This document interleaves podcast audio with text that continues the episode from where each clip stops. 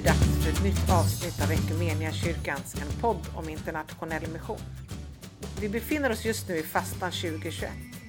Som en del av fastan satsar Ekumenia kyrkan på klimatfasta. En fasta med fokus på att avstå från något för att uppmärksamma hur vi förvaltar Guds skapelse. Det gör man också i Karembaptistsamfundet i Thailand. Fast inte under 40 dagar, en fasta period, utan man är inne på sitt fjärde år och planen är att fortsätta med detta fokus flera år framöver. Om detta samtalar jag, Ulrika Morazan, med min kollega Stefan Emilsson som är Equmeniakyrkans samordnare för Asien. Hör Stefan berätta om livet i nio karenbyar i norra Thailand, om kyrkan mitt i samhället, om hur längtan efter förbättrade levnadsvillkor har orsakat stor naturförstörelse och utsatthet och om alternativ till detta. Om hur kvinnor ställer andra sorts frågor om byutveckling än män och om att definiera hur stor miljöpåverkan jag rimligen kan ha i mitt dagliga liv när jag samtidigt vill följa Guds uppmaning till var och en av oss om att vara goda förvaltare av skapelsen. Lyssna, inspireras och utmanas av detta avsnitt av en podd om internationell mission. Välkommen Stefan! Tack så mycket Ulrika! Hur mår du idag? Ja, men jag mår bra idag. Eh, jag har haft en bra helg och känner att det är bra en ny vecka igen. Vad härligt det låter! Du Stefan, om det är någon som lyssnar på det här som inte vet vem du är, vem är du? Ja, jag heter ju Stefan Emilsson. Eh, jag bor just nu i Örebro. Eh, sitter vid mitt fönster här och tittar ut över ett, eh, ja, ett, ett område med mycket flyttfåglar eh, som ligger i utkanten av Örebro. Eh, jag har annars bott i Asien i 14 år, i Japan i ungefär 4 och i Thailand ungefär 10 knappt. Jag jobbar som internationell samordnare för Asien då, tillhör internationella enheten. Ehm, ja, jag har hållit på med det här med mission ganska mycket av mitt eh, vuxna liv. Jag har jobbat i tre olika organisationer och nu jobbar jag i Equmeniakyrkan och trivs bra med det. Och vi är mm. så glada att få ha dig på i våran internationella enhet, Stefan. Mm. Du, sa du 14 år i Asien? Ja, lite, beror lite på hur man räknar, men ungefär det ja. Mm. Wow! Det är många år. Så då kommer följdfrågan så här. Vad är du mest? Asiat? Svensk? Eller en härlig blandning? ja, men eh, förhoppningsvis en härlig blandning skulle jag säga. Eh, ibland så känner jag mig eh, kanske lite som den som står upp för en del av de asiatiska tankarna men det är klart att det är väldigt svårt att komma ifrån den svenska delen av sig. Jag var i Japan ett antal år och där är man alltid utlänning brukar man säga. Du kan aldrig bli något annat än utlänning. Eh, eh, det är väldigt svårt att bli japan även om du kan språket och bott där väldigt länge. Eh, och det är nog bra att veta att man alltid har med sig det. Samtidigt så, så, så vill man ju på många sätt kunna ta med sig någonting unikt och bidra med till den andra kulturen man jobbar i, det andra landet man jobbar i.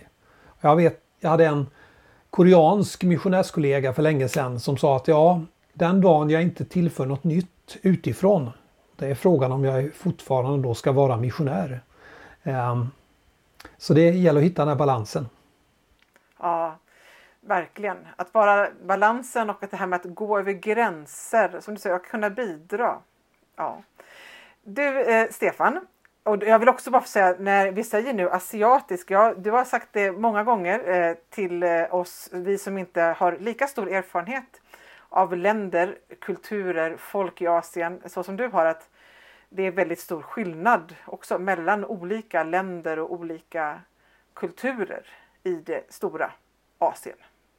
Så att vi inte har sagt att allt asiatiskt är likadant nu. Precis. Har jag tolkat dig rätt, eller hur? Nej, men absolut. Ja, det är ju... Jag tror att som svenskar har vi så svårt att förstå hur stort Asien är. Det är så extremt stort och så extremt mycket människor.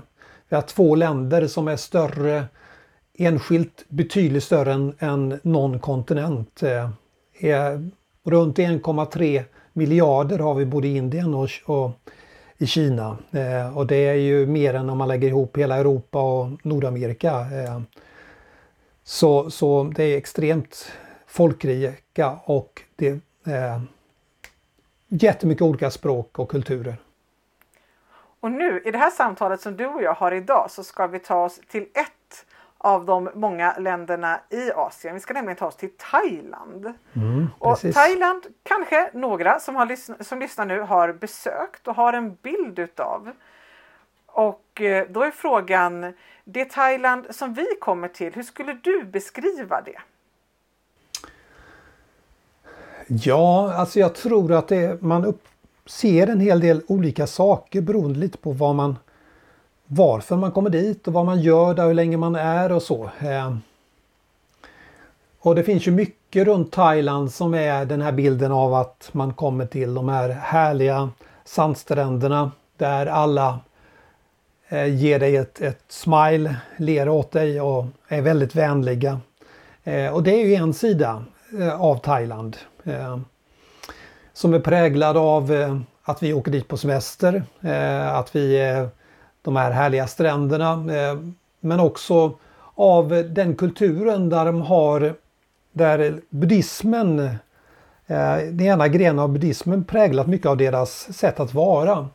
Där eh, negativa känslor ska man egentligen inte visa. Eh, det finns väldigt få negativa ord eh, för sådana saker i, i thailändskan också. Utan du ska visa ett, ett, en, en eh, glad yta och att det är bra. Harmoni är det absolut högsta värdet i, i kulturen.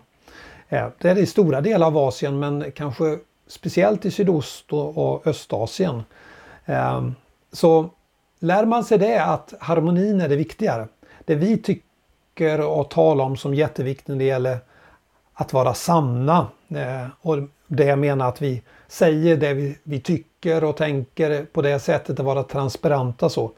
Det är inte alls lika stort eller starkt värde i, i kulturen där som här utan Nej, men att, att bevara harmoni, att inte liksom irritera någon i onödan. Eh, så därför tycker de att det är kanske bättre att prata bakom ryggen som vi skulle säga om någon. Än att eh, säga rakt i ansiktet på någon. Det är hemskt att säga något, oför, eh, något ofördelaktigt eller så rakt i ansiktet eh, på en person som de skulle se det. Vi skulle tycka att tala om att det är kanske att vara ärlig. Men de skulle tala om det att det är oförskämt eller, eller liksom ja, däråt. Så att det är lite kulturen. Sen är det ju en kultur som ett land som har haft eh, 19 olika militärkupper. Eh, nu var det bara... Hur många sa du? 19 militärkupper sedan 1932. Det är visserligen bara 12 av dem som lyckades. Men eh, det är mer än något annat eh, land i eh, antal kupper i modern tid. Så att det är lite annorlunda. Man har mer officerer i, i militären än något annat land. Man har aldrig varit koloniserad. Det spelar ganska stor roll om deras självbild och hur de tänker. Eh, nästan alla länderna runt omkring där har varit kolonier på ett eller annat sätt, men inte Thailand. Eh, så att eh, ja, det, det är också, sen är det ett land som till exempel har väldigt hög mordstatistik. Bland de högsta i världen när det gäller skjutningar med, med, med ja, skjutningar som vi pratar mycket om i Sverige, alltså man dödar någon med skjutvapen. Det är väldigt högt i Thailand. Eh, men det ligger ju långt, långt ifrån den här bilden som vi har av det här harmoniska leende Thailand. Som också är sant. Ja, du lär mig mycket idag som jag inte kände till. Mm. Och Thailand, vi som kyrkan samarbetar med några i Thailand. Vilka då? Ja, vi har framförallt eh, samarbete som, som ligger runt det vi skulle kunna kalla Karenbaptistsamfundet i, i Thailand. Karenerna är ju ett av de större minoritetsfolken som finns i Thailand. Eh, och det finns en baptistisk kyrka då som eh, som riktar sig framförallt till dem. Eh, så vi arbetar med dem med deras eh, själva samfund som heter Thai Korean Baptist Convention eh, och vi arbetar med deras sociala del eller utvecklingsdel som heter Korean Development Service Foundation, KDSF. Och sen så arbetar vi också med MEDF som vi säger, som är ett eh, mikrokreditinstitut som startades utifrån det här en gång i tiden men som idag är självständigt och inte har så mycket nära kontakt direkt med kyrkan även om det finns en del styrelsemedlemmar. Så. Det är framförallt med dem vi arbetar i, i lite olika konstellationer och sådär. Och Karenbaptistsamfundet finns i hela Thailand eller hur ser det ut? Ja, det ska man väl inte säga. Ehm, de finns där karenerna finns ungefär. Ehm, och det är framförallt, skulle jag säga, i gränsområdena mot eh, Burma, Myanmar, eh, där ut med den eh, sidan av Thailand och speciellt där det finns berg, de eh, gillar att bosätta sig i bergstrakterna.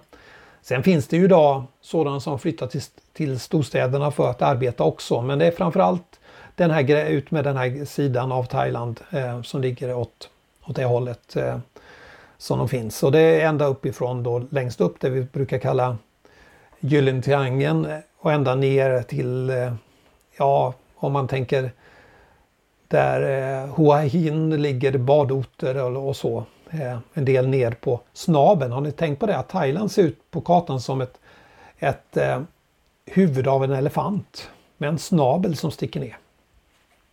Du, det hade jag inte tänkt på, det, men, mm. tänkt på tidigare men när du säger mm. det och jag som framkallar en kartbild mm. i mitt, eh, framför mina ögon så här. Ja, mm. det var, titta. Sen så är det väl så att, att eh, centrum för arbetet och där de har sin, sitt kontor och så här är i Chiang Mai som ligger uppe i norra Thailand 65 mil eller 60 något sånt där mil från, från Bangkok norröver. Eh, och eh, det är ja, väl Thailands näst största stad då. Eh, mm. Där har man vad ska jag säga, centrum för sitt arbete men, men de flesta distrikten och så ligger uppe i bergstrakterna runt omkring där. Men eh, hela vägen neråt också.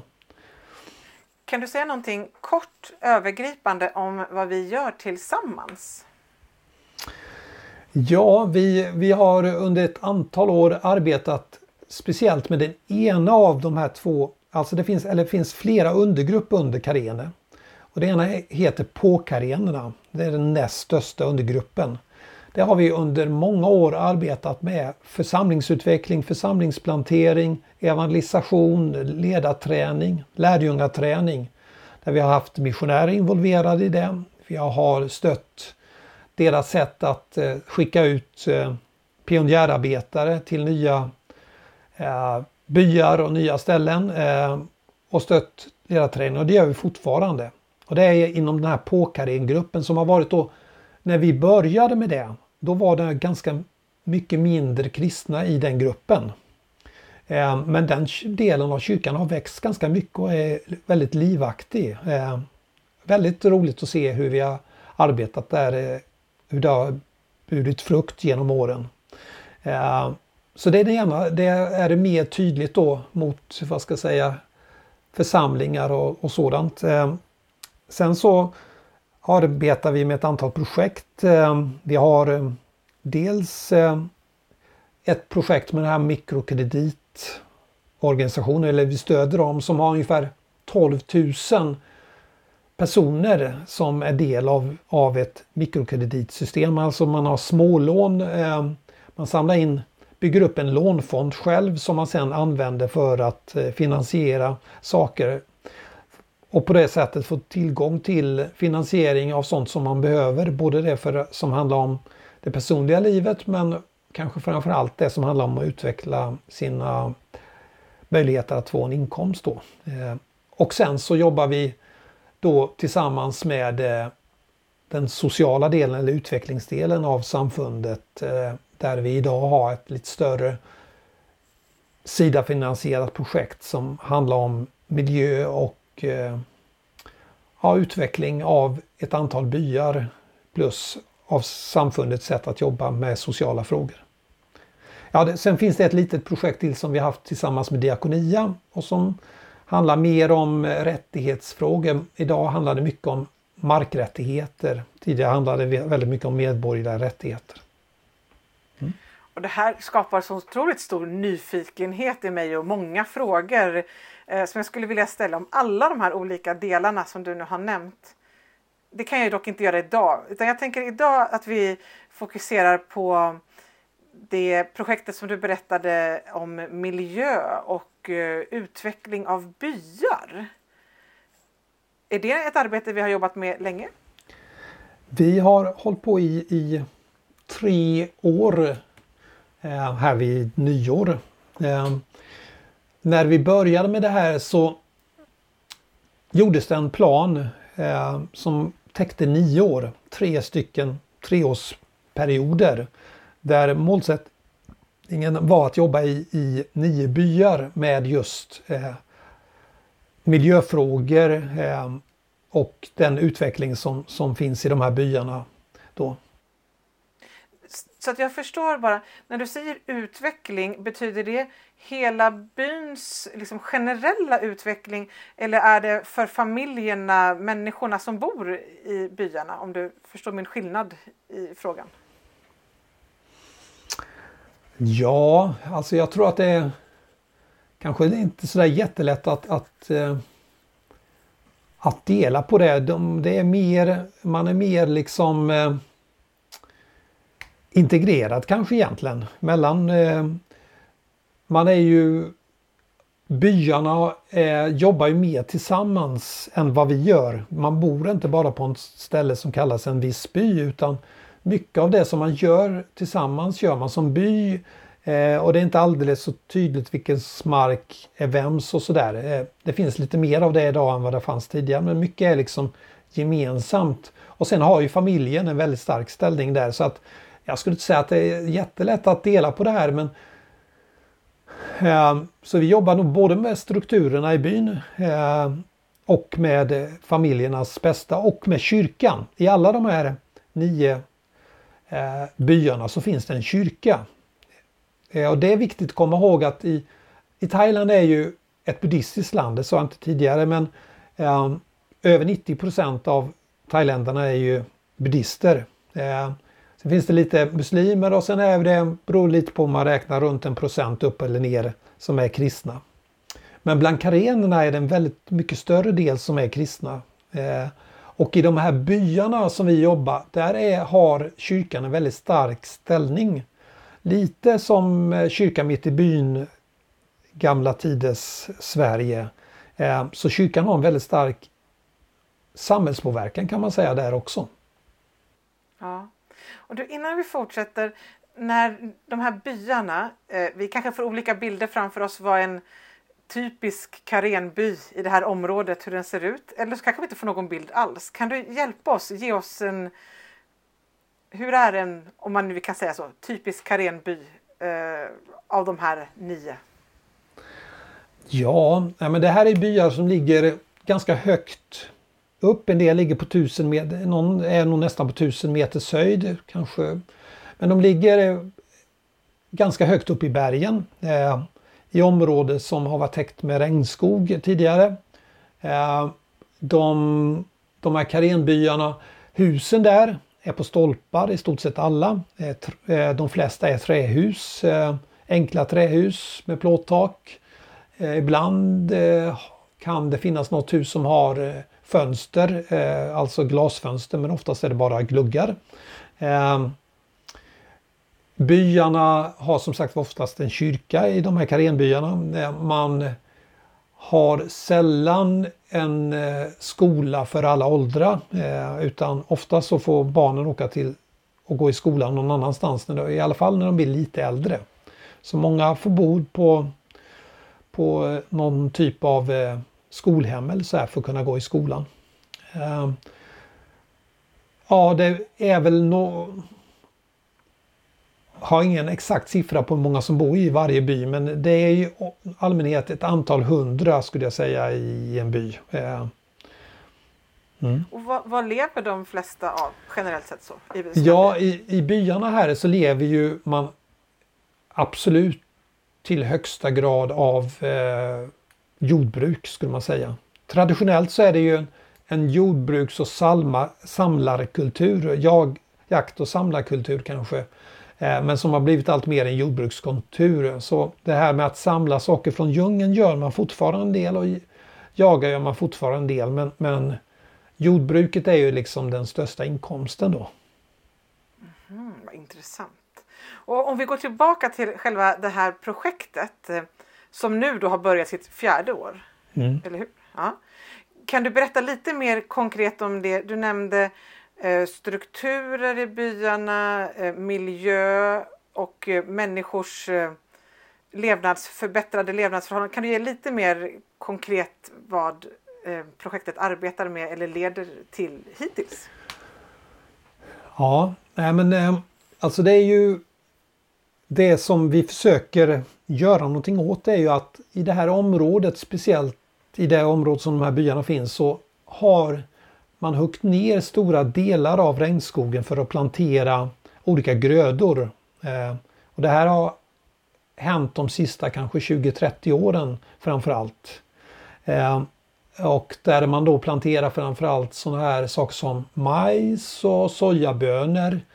Det finns lite andra grödor också. Eh, och ofta är det sådant som man eh, planterar för att eh, sälja sen till något visst bolag eller så. Så ibland så är det så att bolagen eh, betalar ett visst kilopris då och men sen också förse med, med frön och sådana saker.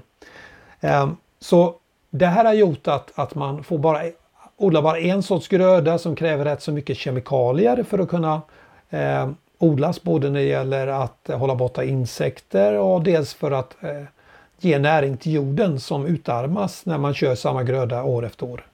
Men det här är också ganska då kupera bergstrakter.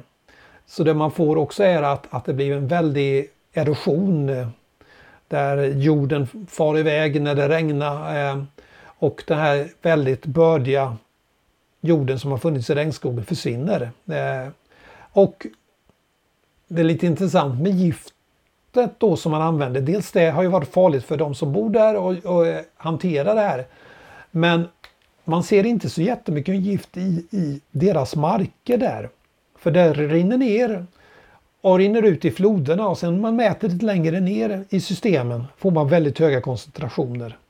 Så det drabbar andra längre ner eh, på ett ännu mer markant sätt när det gäller det då.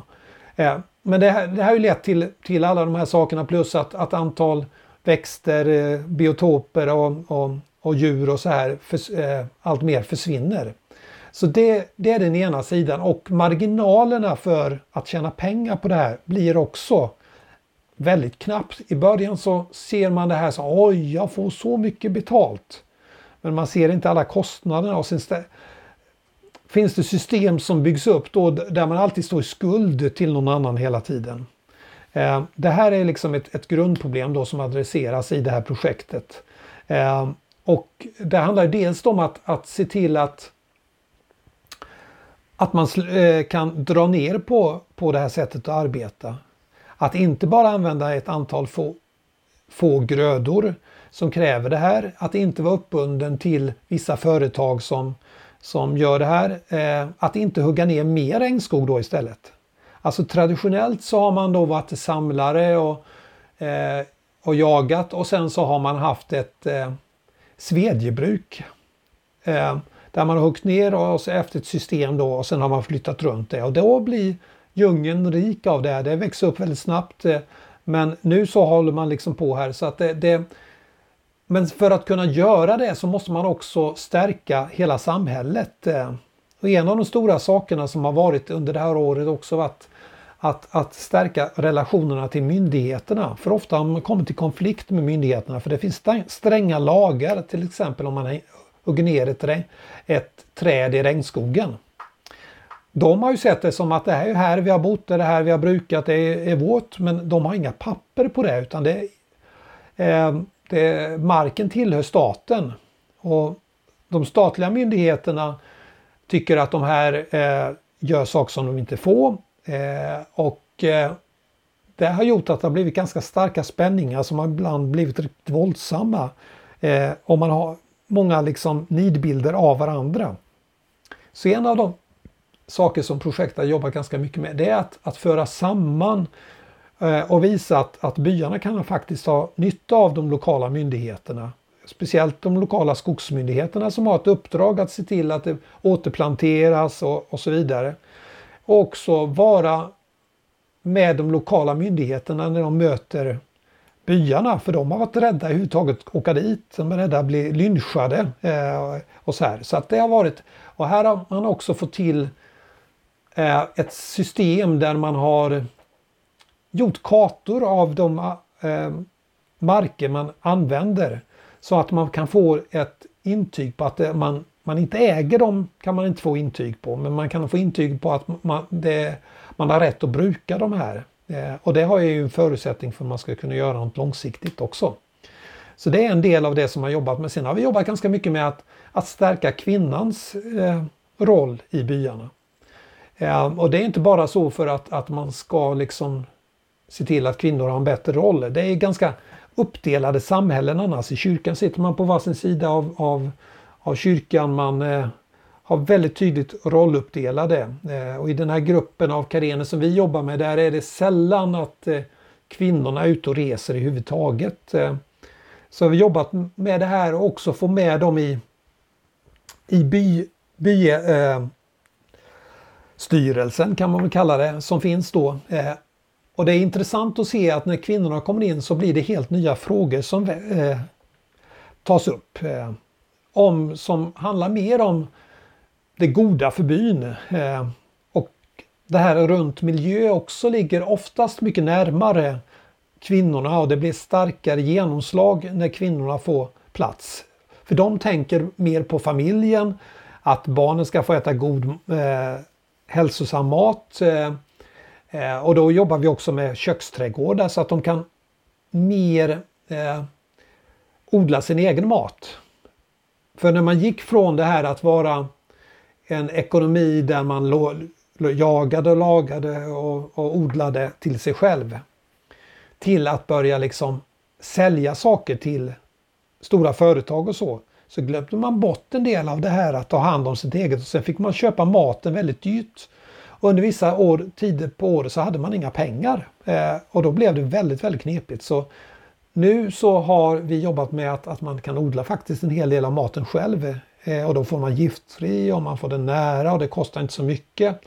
Eh, och, och, ett begrepp som man har lanserat eh, i Thailand som den gamle kungen lanseras kallar man sufficient economy.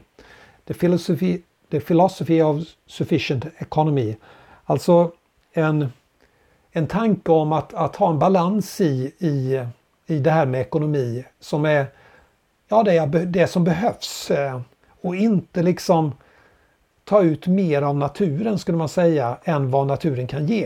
Eh, och Det är någonting som också vi har jobbat med att man ska förstå och se vad är balansen här? Vad kan vi ta ut av naturen utan att slå tillbaka?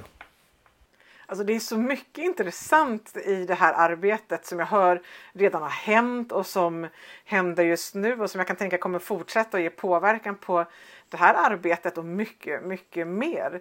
Alltså det är så otroligt, alltså vilken, eh, vilket arbete, vilka, vilka förändringar eh, som händer och som vi får finnas med i eh, och vara en del utav.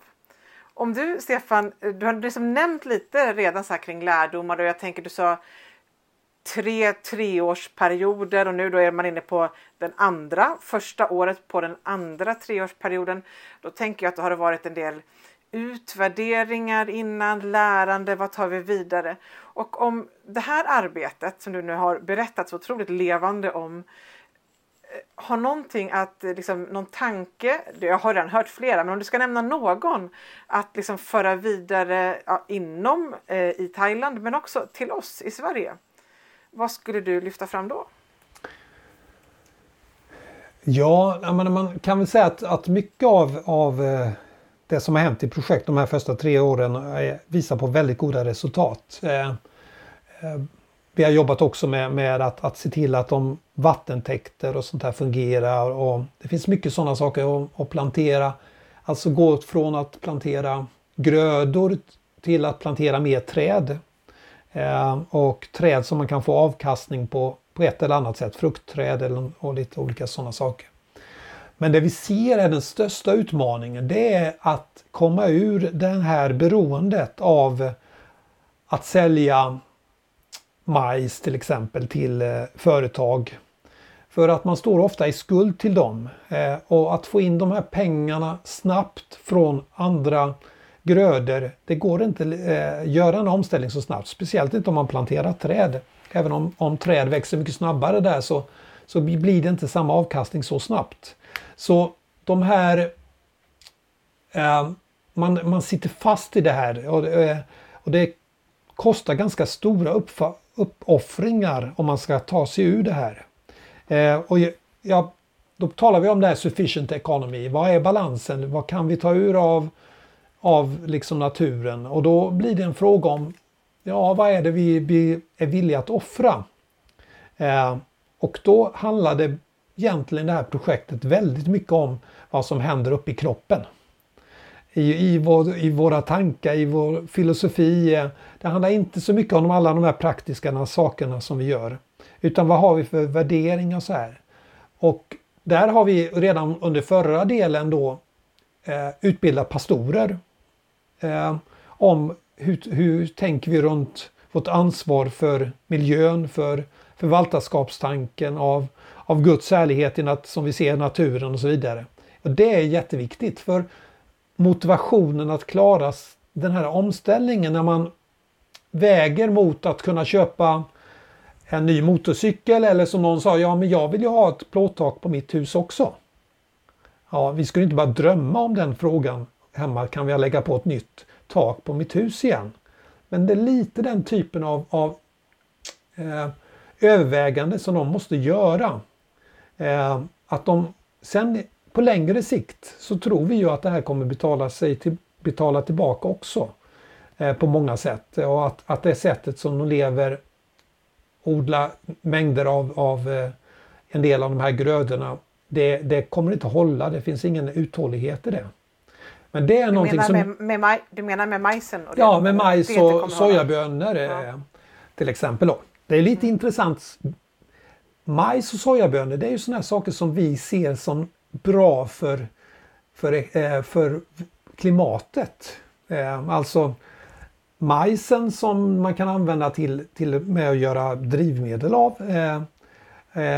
Sojabönor som vi äter istället för, för protein istället. Men här har det en ganska negativ påverkan på, på klimatet skulle jag säga eftersom vi hugger ner regnskogen och planterar det istället. Så det är inte så enkelt ibland med alla de här eh, vad som är bra och vad som är dåligt. Eh, men det som en fråga som jag slås av ofta det är ju den här frågan om, om ja, vi jobbar med dem, hjälper dem att förstå hur de ska ta tag i sin situation. Eh, och vi ger dem olika lösningar. Men lösningarna också innehåller delar av att, att de måste överväga hur de lever och hur mycket de kan ta ut ur naturen. Och få offra någonting där. Eh, och de gör det från en väldigt låg eh, inkomst och eh, vad ska jag säga, låg eh, nivå på, på mycket av det, det de materiella sakerna som, som de har. Eh, om man jämför med hur vi har det. Men egentligen så gäller ju samma fråga oss. Vad är vi villiga, om vi nu tycker att det finns bara en jord eh, att ta hand om. Eh, så är frågan liksom vad kan vi ta ur den? Eh, och hur mycket kan vi använda vår jord och vad är vår, vad, hur mycket kan vi konsumera på ett sätt som, som är hållbart över längden? Men det ligger, de frågorna ligger ofta längre bort från oss. Eh, men här ser vi hur, hur det kristna budskapet eh, har haft jättestor betydelse för individer att man ser, ja men jag vill ju ära Gud med mitt liv och naturen är ju en del av hans, eh, att bringa ära till honom, att, att ta hand om den på ett bra sätt. Och jag vill också ge det till mina barn så de får se det här framtiden. De hjälper också till med att hålla kvar liksom olika djurarter och så här. Eh, ja, för oss blir det ofta väldigt teoretiskt och vi har gärna ett projekt någonstans längre bort i världen om det här.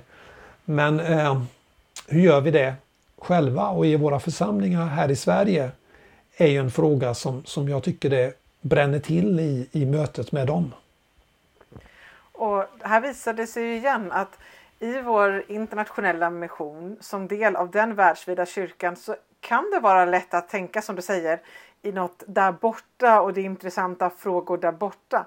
Men intressanta frågor där borta är intressanta och livsnödvändiga även, även här hos oss. Och som du precis har sagt så väldigt tydligt, just det här frågorna som, eh, som vi arbetar med i det här arbetet i Thailand. Att arbeta med de frågorna tydligt här hemma i Sverige. Och vad är en tillräcklig ekonomi, a sufficient economy här hos oss? Inte bara, inte främst då för att den ska kännas tillräcklig för oss utan för att det ska vara en balans och för att denna jord ska kunna fortsätta. Stefan, när du talar med våra syskon i Thailand nästa gång, ta gärna med dig varma hälsningar från deras syskon i Sverige. Och jag vill närma mig att tacka för den här stunden, det här samtalet som vi har fått eh, ha tillsammans idag. Men du kommer inte undan de fem snabba frågorna då vi får ta dig ytterligare lite på pulsen. Sitter du bekvämt och är redo för de fem snabba? ja, ska försöka. Ja man, det är ingen sån här vinst när man har svarat, men det är roligt i alla fall. Första frågan är senast lästa bok? Ja, sena helt utlästa bok tror jag heter den Varga, Varg sommar eller Varga sommar. En deckare som tar sin plats i Tornedalen där min fru har sitt ursprung ifrån. Så jag känner byarna och bynamnen och, och sådär. Den har jag läst här för lite sedan. Och du rekommenderar den? Ja, tycker jag. Vargsommar eller vargasommar. Mm. Favoritfågel? Ja, eftersom vi pratar mission så tror jag att det är en, en av de fåglar som jag upptäckt de sista åren när jag åkte till Indien och fascinerats över gladan. Det är en rovfågel, lite i storlek med en svensk vråk, ormvråk eller sådär. Ehm, de finns mängder av i, i Indien. Och framförallt i de stora städerna. Det är en av de här fåglarna som jag tror kanske är lite ses ner på ibland. Eh, men eftersom de finns ganska mycket och äter gärna, kan äta lite allt möjligt. Men de har lärt sig att, att eh, akklimatisera sig eh, trots det förändringen som sker runt omkring. Wow! Gladan? Gladan. Mm. Den ja. brungladan. Den bruna gladan tror jag det är som finns i Indien. Den bruna gladan. Mm. Varför internationell mission, Stefan?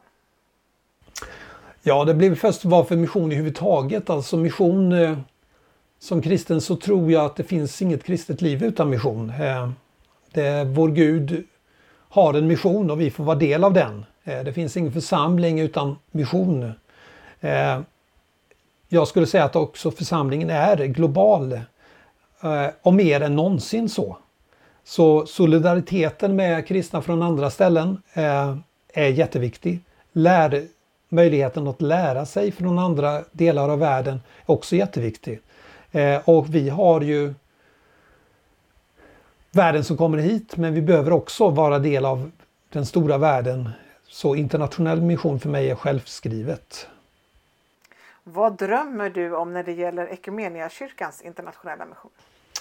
Ja, det är, finns väl många tankar man har men om vi nu, det var vi lite varit inne på att det är att, att vi kanske integrerar vår tro eh, ännu mer i, i det vi gör. Eh, att eh, när vi jobbar med utveckling så är det väldigt mer tydligt att det liksom har att göra med vår tro.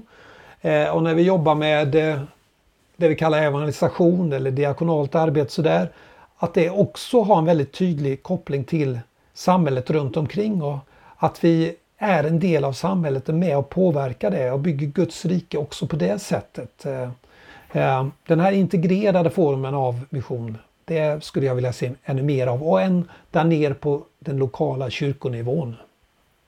Jag kan inte låta bli att ge en egen kommentar på det. Mm. Amen. Mm. Men du, fem snabba, då är det en kvar. Ditt bästa missionstips till lyssnaren? Ja, jag tror att när jag stod, eh, efter eh, när jag var i mina teologiska studier, då hade jag varit ute i mission ett antal år innan och funderat på framtiden. Eh, och jag funderade, ja men det här mission, liksom, det, det, kan ju bara falla bort. Då blev en sak viktigare än någonting annat och det var be. be. Eh, att be och be har ju en funktion av att vi tror att verkligen Gud förändra saker när vi ber. Det är absolut eh, kanske den viktigaste eller den, det vi tänker primärt. Men bön förändrar ju också oss. Eh, eh, jag tycker ibland att i vårt samhälle så finns det ett, en brist på solidaritet och eh, känsla för vad andra genomgår. Eh, och om vi skulle be lite mer för andra där borta, eh, om vi tänker internationell mission, så tror jag också att, att det skulle förändra vårt hjärta. Nu lämnar du mig utan ord. Otroligt tack för, ja, för allt idag Stefan och för ditt bästa missionstips. Stefan, tack för att du har tagit med oss idag till Thailand.